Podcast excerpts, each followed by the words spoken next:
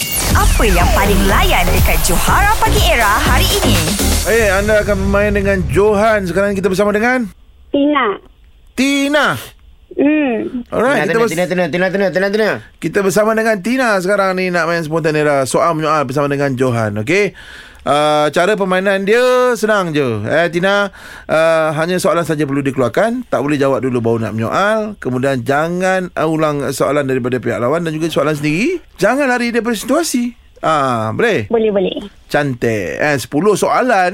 Ni, uh, Tina kalau bertahan, Tina hmm. dikira pemenang. Okey okey boleh. Situasinya adalah dua orang sahabat uh, yang uh, setengah Wow, wow, wow. group study. Study group dia. ah, study group. Ah, study group. Okey, lepas punya loceng, Tina akan mulakan dulu. 3, 2, 1, spontanera.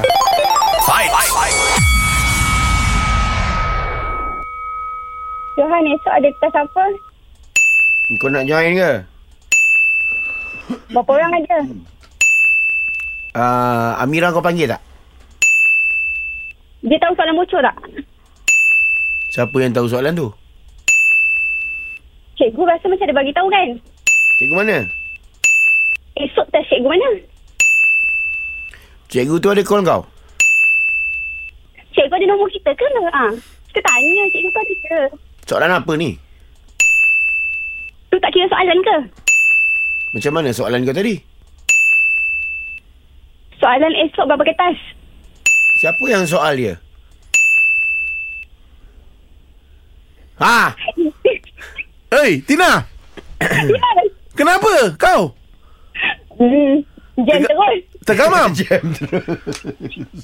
benda, Tina! Benda pagi-pagi orang banyak pergi kerja. Memang jam. awak tahu tak berapa soalan yang awak dah keluarkan tadi? Sembilan. Ha, kenapa 10 tu awak sangkut? Kita depan ni dia sangkut dengan otak-otak kan dia sangkut. Okeylah lah, Tina, nampaknya awak tersangkut terkandas di soalan yang ke-10. Okey, jadi awak kena umumkan kemenangan Johan.